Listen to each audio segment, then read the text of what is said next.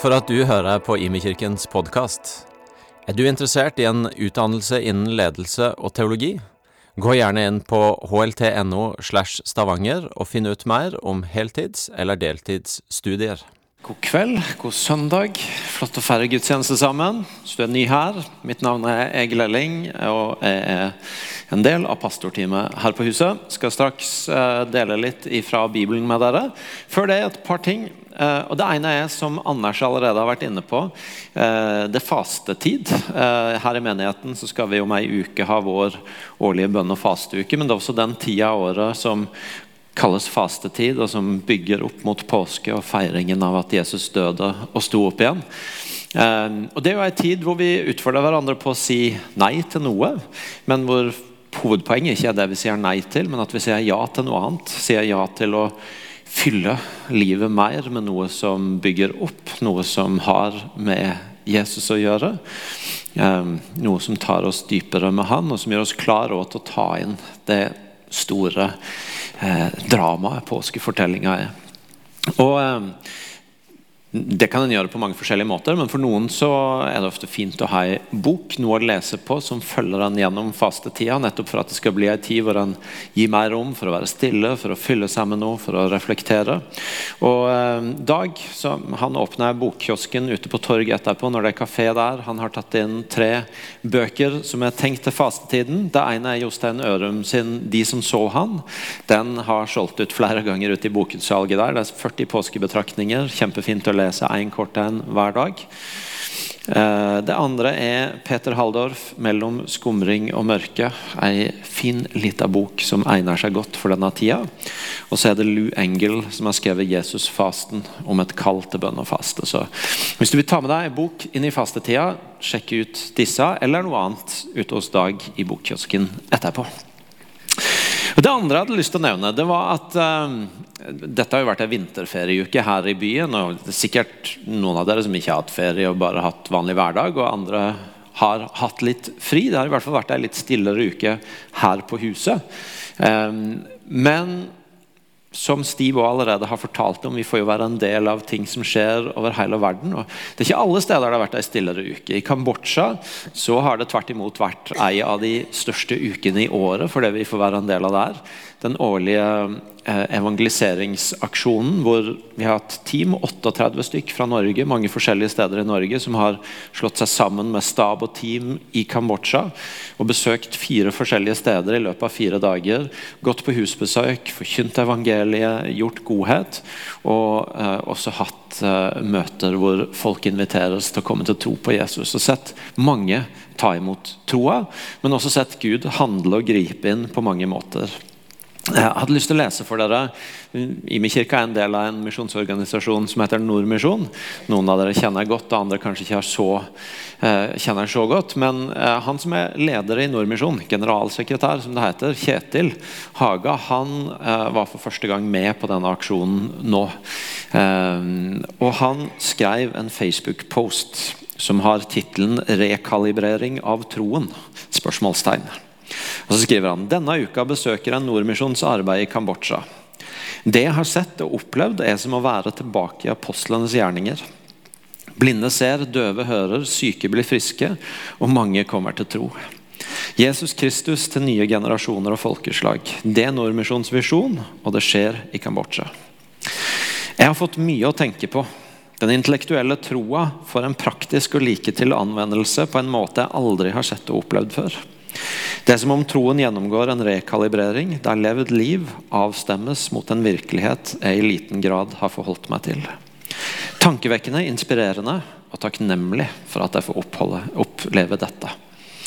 Og Terje han skriver at det er 479 voksne, 299 ungdommer og 199 barn som har sagt ja til Jesus. Så det fortjener en applaus.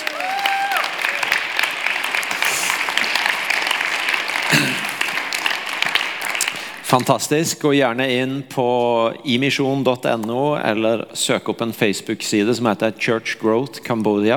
Der er det videorapporter fra hver dag i aksjonen, og utrolig oppmuntrende å se vitnesbyrda.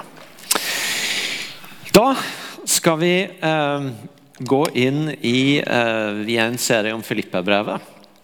Eh, Som en innledning til det jeg, altså jeg, jeg, går jo og tenker på mangt og meget. Vi er jo forskjellige som folk. Jeg, noen syns det kan være vanskelig å finne tid til å falle til ro og være stille og tenke. Jeg er mer en sånn som kan synes det er vanskelig å følge med på det som skjer rundt meg. For det er så mye jeg har lyst til å gi oppmerksomhet til som skjer inni hodet mitt. Eh, så jeg har sagt før at jeg har et rikt indre liv. Og da kan jeg jo tenke på mangt og meget, og det meste skal jeg ikke plage dere med. men en av de tinga som eh, innimellom eh, dukker opp, det er, eh, det er et sånt spørsmål som går ca. sånn at Vil du leve ekstraordinært, eller vil du leve ordinært? Og Det kan sikkert høres ut som et veldig retorisk spørsmål. sånn av typen, Vil du leve et gøy liv eller et kjedelig liv? Vil du leve et meningsfullt liv eller et meningsløst liv? Men det er faktisk ment helt oppriktig. Eh, jeg mener det helt oppriktig når jeg stiller det til meg sjøl, og når jeg på en måte bryner meg på det spørsmålet. Fordi at På den ene sida er jeg en type som lett blir inspirert av folk som bare går for noe her i livet, og som ser ting skje.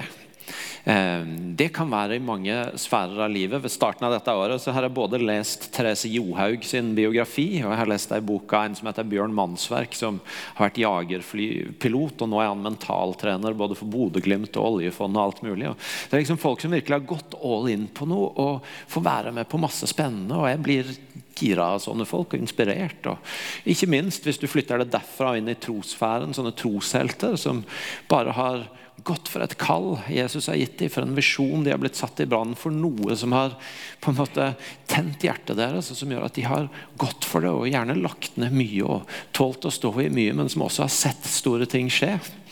Og Når jeg kommer i kontakt med sånne historier, så blir jeg gira, jeg blir inspirert. Jeg tenker jeg òg får lyst til å, å bare gå for det. Og bare eh, legge ned alt og gå for den visjonen, det kallet, den brannen. Og så På den andre sida så er det disse fortellingene om disse som lever det du kanskje kan kalle et sånt hellig, alminnelig liv.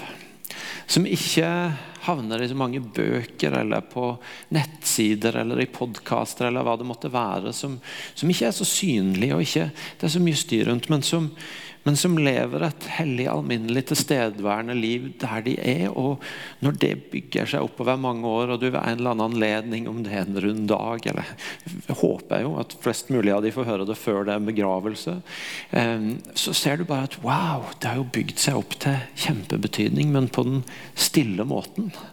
På den litt sånn, på, på, på den litt sånn alminnelige måten. Og så kan i hvert fall jeg kjenne meg dradd mellom de to tingene. I min situasjon, da, med det jeg holder på med, jeg jobber jo som pastor her, så på den ene sida, Dere hørte fra Kambodsja nå, dere har hørt Steve. Jeg var med i Bangkok fra det han fortalte der. Så kan jeg være med på sånne ting og bli begeistra, bli gira. Snakke med folk og nye, tenke på nye muligheter. og det, det, er mulig å komme dit og forkynne, og en kan finne på noe spennende å gjøre sammen med de der. Og så, og så fyrer jeg meg opp. og så og så er det en annen side av meg som tenker eh, kanseller alle de flybillettene. Det eneste jeg har lyst til, det er å tusle opp i idrettsparken og se Vardeneset ballklubbs jenter 2012 spille hjemmekamp mot Hundvåg 2. Og stå på sida og prate med foreldrene og bare være der. Jeg har ikke lyst til å haste til et eller annet. Jeg har lyst til å ha tid når noen går forbi gata, til å prate med dem. Kjære Gud, ta meg bort fra sånne scener som dette. Bare la meg få leve i en litt sånn skjult krok og være en ok fyr og mann og pappa og venn og alt det der. Dere skjønner kanskje hva jeg mener. Og hvis du tenker skjønner jeg ikke problemet, jeg gjør begge deler. Så sier jeg Gud velsigne deg. Håper du kan be for meg etterpå. Um, men dere skjønner jo kanskje at poenget er ikke nødvendigvis å løse det og svare på det og velge en av delene. Det, det, handler om en spenning som vi kan kjenne på, og som vi kan leve i, og som kan ha ulike sesonger og faser i livet vårt.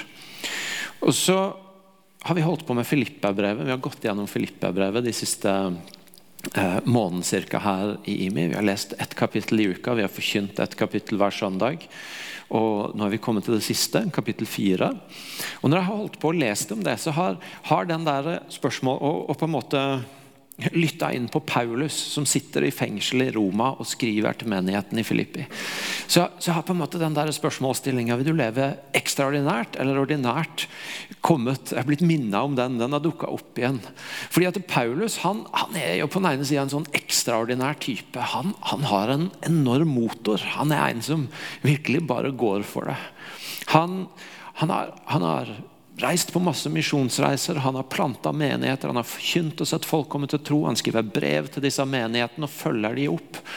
Og Forskere sier at de tror hans offentlige tjeneste med alt dette her, med reisen og brevet og alt det, ikke kan ha vart så veldig mye lenger enn ti år.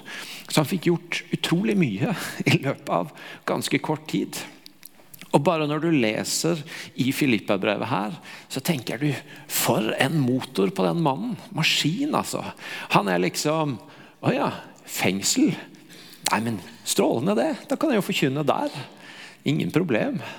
Eller sitter i fengsel og vet ikke helt hvordan det går, om jeg, om jeg møter en dødsdom eller ikke. Bring it on. altså Vinn-vinn. Hvis, hvis, jeg dør, så får jeg være med Jesus. Og hvis jeg får leve, så kan jeg forkynne til flere. Han, han, han er litt sånn ett fokus, én retning. Han bare går for det. Han, han, han framstår på mange måter som en ganske ekstraordinær type. Og Samtidig, i brevet til Paulus, og også her midt i det, så har han denne her evnen til å bare plutselig stoppe opp og gå rett inn i sånne helt konkrete, nære problemstillinger i de enkelte menighetene som, som, han plutselig bare Paulus er jo en litt sånn spennende type å følge. Det virker som hodet hans òg hopper litt hit og dit, for han er litt i det høye og det lave om hverandre. og, og sånt, men, men, men, så er han plutselig nede i veldig konkrete, nære problemstillinger i de menighetene han følger opp. Og Sånn er det litt i kapittel fire eh, i dag òg. fordi at eh, Kapittel tre slutter med at Paulus har skrevet om det at vi som tror på Jesus, dypest sett hører jo til et annet sted. Vi har et annet eh, pass, vi har en annen identitet enn her og nå. Han sier at vi har vår borgerrett i himmelen. At vår tilhørighet er i et annet rike. Og det er utgangspunktet vårt for å møte det vi står i, de utfordringene kommer, som kommer imot oss, de tingene som, som, som, er livet rundt oss. Vi har vår borgerskap i himmelen, vi har et annet pass. Og Det gjør at livet ser annerledes ut. Og Så følger han opp den tanken i, i vers 1, når han sier Derfor, mine søsken, som jeg elsker og lengter etter, min glede og min seierskrans, Stå fast i Herren, mine kjære. Paulus hold deg litt oppe denne her, fordi dere hører til et annet rike. Så hold retninga, hold fokus, stå fast. For dere har et annet borgerskap.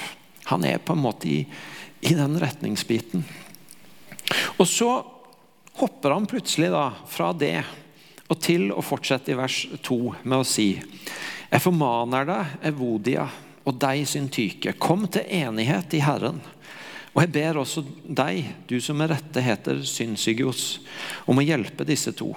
For de har kjempa med meg for evangeliet sammen med Clemens og mine andre medarbeidere. De som har navnene sine skrevet i livets bok. Han hopper rett inn i en helt sånn konkret konflikt mellom to personer i denne menigheten. To kvinner eh, som har falt ut med hverandre på et eller annet måte. Og, og vi skjønner at I kapittel 2 så, så, skrev han mer sånn generelt. Hold sammen, vær ett. Ha samme sinnelag. Eh, så antagelig har det lurt i bakhodet på han tidligere i brevet også, men her blir han helt konkret og adresserer den situasjonen. Og Det må jo være en situasjon som har pågått over litt tid, siden det har rukket å nå han i fengselet, og han har hatt tid til å skrive om det og sende det tilbake igjen. Og Så gikk det jo an å tenke at Paulus han har sine egne problemer med fengsel. Han har masse menigheter han følger opp. Han har et fokus på å forkynne evangeliet både der han er og andre steder. Han gikk an å tenke at Paulus kunne si jeg kan ikke belemre meg med en liten konflikt borte i Filippi. Det får de finne ut av sjøl. Det, det, har ikke jeg tid til å bruke energien min på, tankene mine på. Men plutselig så er Paulus ute av dette her sånn maskin rett fram. Og så er han helt nede i det, og så adresserer han det og snakker om dere må finne ut av det med hverandre. Og så vet jeg ikke, men det, det kan jo være at noe av grunnen til at Paulus gjør det, er at han også har sett noe av hvor mye konflikter kan ødelegge. Hvor skadelig sånne ting kan være. Jeg, fordi jeg jobber med det jeg gjør, for å være i kontakt med en god del andre menighetsledere og menighetsfolk rundt om i Norge, og bare å, å se i vårt land hvor mye som brytes ned og rives ned når det oppstår konflikter. Det er ikke noe å tulle med. Det er ganske fortvila av og til å se hvor mye som ødelegges. Og hvis vi tenker på det Tenk på hvor mye i vår verden som blir ødelagt av konflikt. I menigheter, ja. Men på arbeidsplasser. I familier. Mellom nasjoner og folkeslag. Så mye som rives ned. Jeg tenker Jesus han snakker om djevelen, så sier han at djevelen er han som stjeler og dreper og ødelegger. Djevelen kalles i Bibelen for sånne ting som eh, løgner, forfører, anklager. Og Djevelen kan jo ikke, kan jo ikke på en måte skape noe på egen hånd. Men det er ikke så vanskelig å forestille seg at en av hans agendaer er å bruke de mulighetene han ser til å skape splid og sette folk opp mot så inn ting som gjør at en ikke finner ut av det med hverandre. Hvis hans agenda er å ødelegge og bryte ned og stjele ting, så er det ganske effektivt.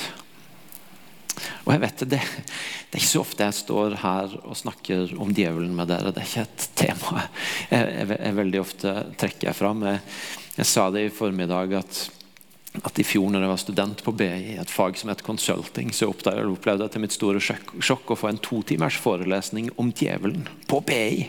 Og det var litt sånn What? De, snakket, de underviste mer om djevelen på BI enn på teologistudiet.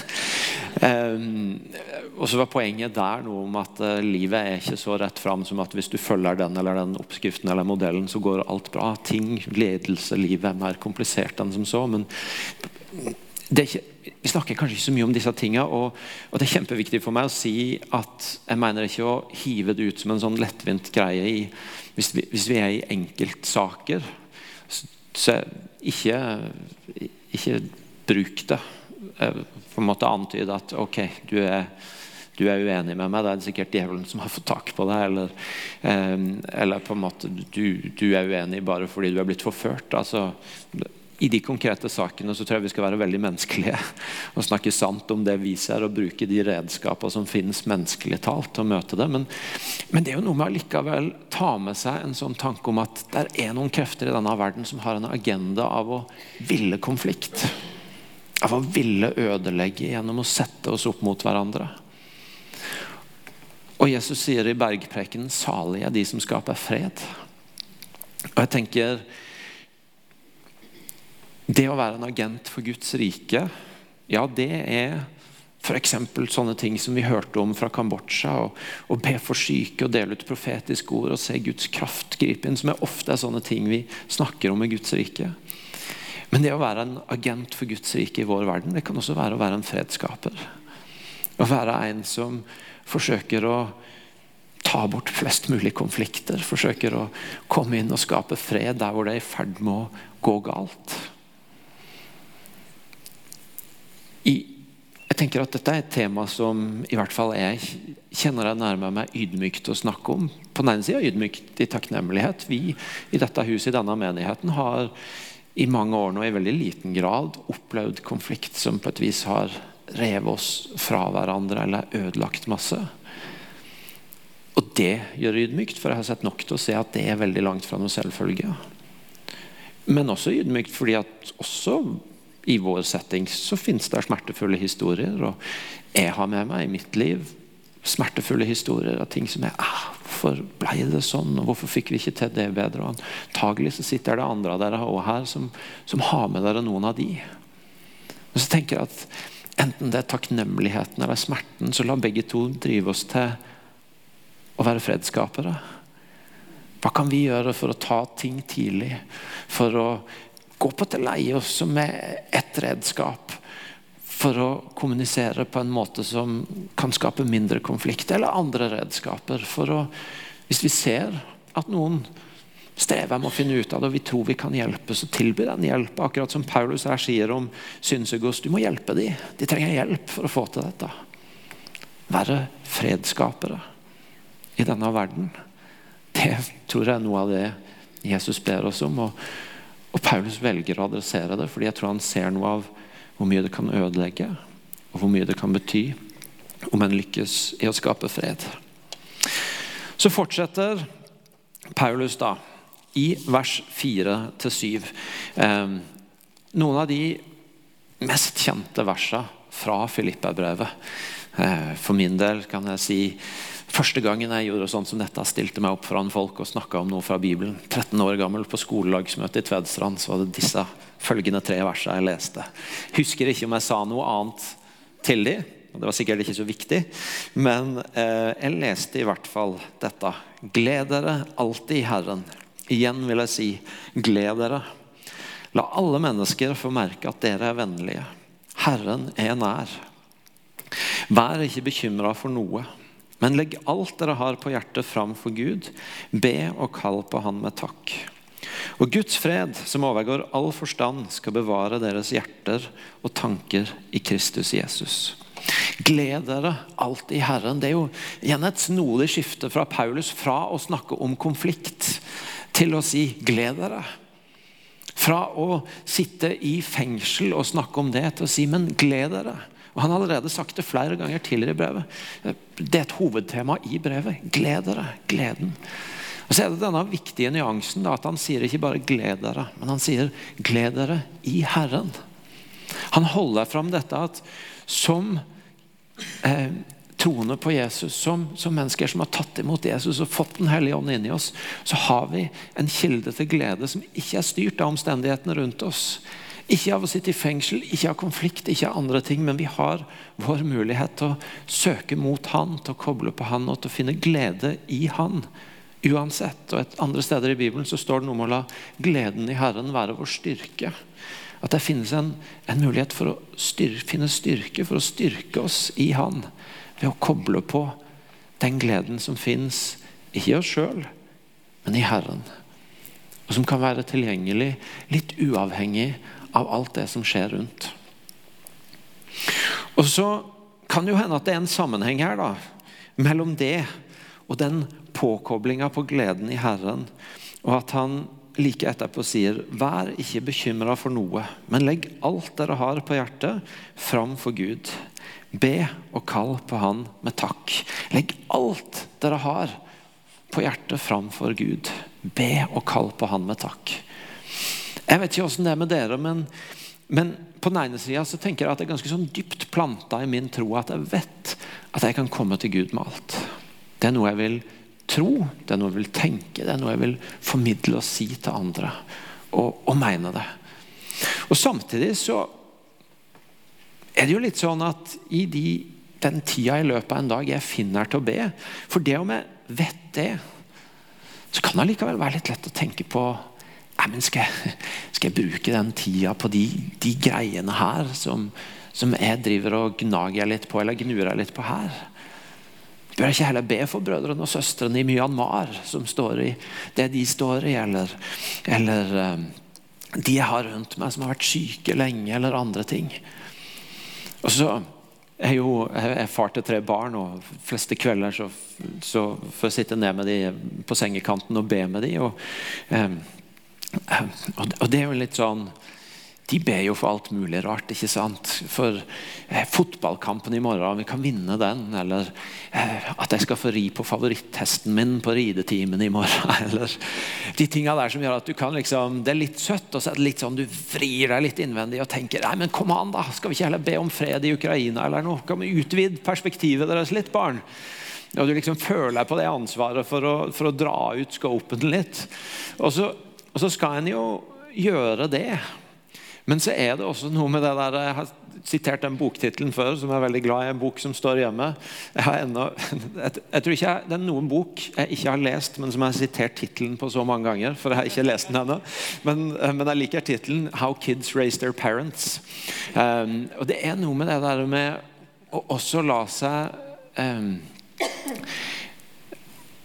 La seg utfordre av den der barnlige og bare la det som er på hjertet, det som er i sinnet mitt, få komme fram for Gud. Og Jeg sier det også litt fordi at eh, For meg er det i hvert fall sånn at eh, mange ganger så er de tingene som vipper med litt av pinnen, det, det, kan være ganske sånne små ting som skjer i hverdagen, og som vipper meg litt ut. Senest denne uka så vi hadde litt vinterferie. Det var tre uker i Sirdal. Fantastisk sol og vindstille og ski og nordlys og alt mulig. Jeg kjørte ned onsdag ettermiddag og tenkte konge, jeg er klar. Neste ukene nå, nå gønner vi på. Kjør på. Jeg, er klar. Og Så kom torsdag, og så var det noen ting jeg kom litt skjevt ut med. og så var det et par ting jeg ikke fikk helt til av noe jeg skulle fikse. Og så når torsdag kveld kom, så måtte jeg si til en kompis jeg, jeg bruker, Mitt språk på dette her, det er ofte bruker å si at 'jeg nærmer handa'. Det er sånn skøytespråk. ikke sant? Når du, har, når du går skøyte og du begynner å bli litt sånn kjørt, så må du nærme handa i svingen for å komme deg, komme deg liksom gjennom. Du klarer ikke å gå helt rent gjennom. og Når, når jeg er litt sånn vippa av pinnen, når det ikke ah, går helt, så sier jeg nå er jeg nærme handa. Um, og torsdag kveld, små greier gjennom dagen. Jeg bare kjente ah, nå er jeg nede med handa igjen. Og det er sånn Fascinerende. Jeg måtte ta meg i det. liksom, Onsdag ettermiddag, ned fra ferie. Kom an, nå kjører vi. Og så litt motstand på torsdag. Nei, nå er jeg nede med handa. Og Poenget med å si det er bare dette at jeg trenger å legge alt som er hjertet mitt, framfor Han i bønn. For det er ikke sånn at det alltid er de, no, Selvfølgelig er det faser hvor det er store ting som pågår, og som, og som, og som røyner, og som, og som en kjemper med på en annen måte. Men, men mange ganger i det jevne så, så, kan det være ganske små ting som, som, vipper meg litt ut, som får meg litt nærmere han av. Så, og så trenger jeg å legge det fram for han. Jeg trenger å tro at jeg kan komme til han med alt som er hjertet mitt. Ikke bare de store tingene, ikke bare verdensproblemene, men gjerne lære litt av barna mine. At de små tingene som Jeg har ikke lyst til å si til dere engang hva som vippa meg av pinnen på torsdag, for det hadde vært flaut. Banalt. Nå ble jeg frista til å gjøre det òg, men jeg skal ikke gjøre det. Ehm,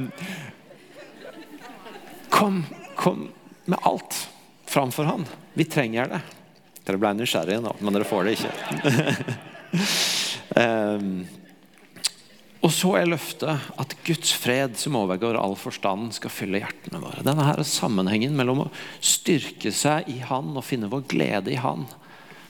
Legge alt framfor hjertet og oppleve at Hans fred, som overgår all forstand, fyller hjertene våre. Det er noe av det livet Paulus inviterer oss til. Og Så går Paulus videre til å omtale en gave som han har fått fra menigheten i Filippi. Menigheten i Filippi har vært åpenbart en støttespiller for han over tid. Vi ser over de neste versene at, at har gitt, de har gitt, sendt, sendt, gaver til ham flere ganger. Og også nå, når han er i fengsel. Og, på den ene siden Fascinerende igjen med Paulus, han har på en måte behov for å si at det, det er jo ikke egentlig det at jeg trenger de gavene. Han, han sier jeg vet hva det er å ha det trangt, og hva det er å ha overflod. I alt og i alle ting er jeg innvia. Å være mett og være sulten, å ha overflod og lide nød. Alt makter jeg i Han som gjør meg sterk. Så på den ene sida Paulus jeg har trent meg og klarer meg, enten jeg har mye eller lite. Jeg er ikke avhengig av gavene deres. Det, det går bra. Litt sånn maskinen Paulus som er tilbake, og jeg holder retninga uansett. det. Så det er ikke det at eh, min retning er styrt av deres gaver. Men så er han litt menneskelig igjen da i vers 14 og sier men likevel så gjorde det meg godt at dere sto sammen med meg da jeg var i nød. Ja, det var litt godt òg å få de gavene.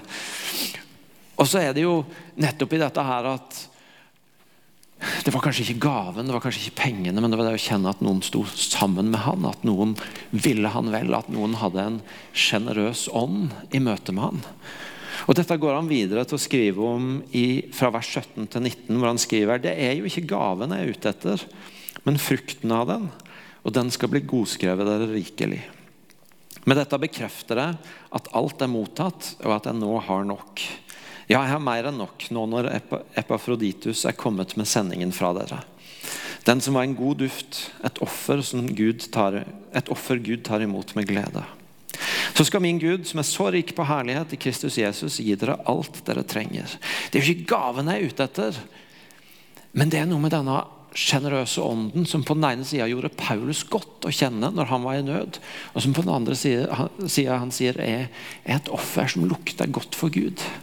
Dette livet, denne ånden av å ville gi, av sjenerøsitet. Av å ikke gjøre det bare av plikt, som et offer for offerets skyld, men, men, men, men av en sjenerøsitet og en sjenerøs vilje. Det, det lukter godt for Gud. Og så tenker jeg, og så er dette det her Filippa-brevet lander. og Det som er igjen, er bare noen sånne hilsninger eh, på slutten av brevet. Så tenker jeg, Et brev som har vært ganske litt som Paulus i mange retninger, men som allikevel gjennomgående har sagt noe om å leve med Jesus, med blikket på han, med å la dere forme han, eh, la dere bli prega av han, følg han, fortell om han.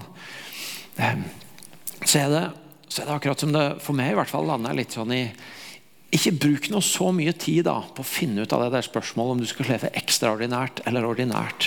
Men lev det livet du har der du er nå, i den fasen du er i nå, til ære for Han. Som en lovsang for Han, som noe som lukter godt for Han. Og så kan vi ha sesonger som kjennes ordinære og gjemte. Vi kan ha sesonger som føles ekstraordinære og fulle av åpne dører. Vi kan ha sesonger i fengsel eller i konflikt eller i motgang og andre ting. Og så er invitasjonen, men der du er, lev det som et liv i lovsang. Som et liv i tilbedelse, som et liv som ærer Han, som lukter godt for Han. Og Det handler ikke om offeret for offerets skyld, men det handler om dette livet som formes av Han, og som ut fra det så springer det noe ut innafra som forteller om han, og som ærer han. Og det tenker jeg, det livet inviteres vi alle til. Uansett om du kjenner deg på den ekstraordinære eller ordinære sida, om om du eh, på en måte er midt i ei gjennombruddstid eller ei utfordrende tid. Å leve et liv der du er, til ære for Han, i tilbedelse til Han skal vi reise oss opp og be sammen.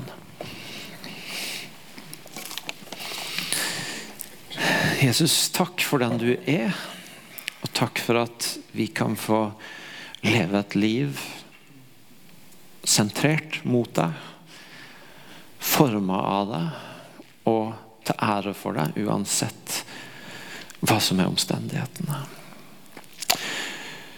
Jeg ber deg for de her inne som på et eller annet vis kjenner at noe rører i dem rundt dette med å være fredsskapere. Om at du, Hellige Ånd, fyller dem opp og eh, leder dem inn i de sakene og situasjonene det handler om. Jeg ber deg for de som kjenner invitasjonen til å styrke seg i du. Finne glede. Legge tømme hjertet foran du og, og kjenne at ja, der kommer min styrke. La denne tida, la denne fastetida få være ei sånn spesiell tid for å oppleve at en får være der med livet sitt. Og en får finne gleden i det. Og en får tømme hjertet sitt for det. Og en får finne styrke hos deg. Og så ber jeg deg for oss alle om at vi skal få lov til å leve liv der vi er, som lukter godt for du. Som er en lovsang, en ære til du. Uansett utgangspunkt, uansett omstendighet. Ikke fordi vi fikk alt til, men fordi du fikk leve i oss og forme oss og prege oss. La det skje. Gjør ditt verk i oss, Jesus. Amen.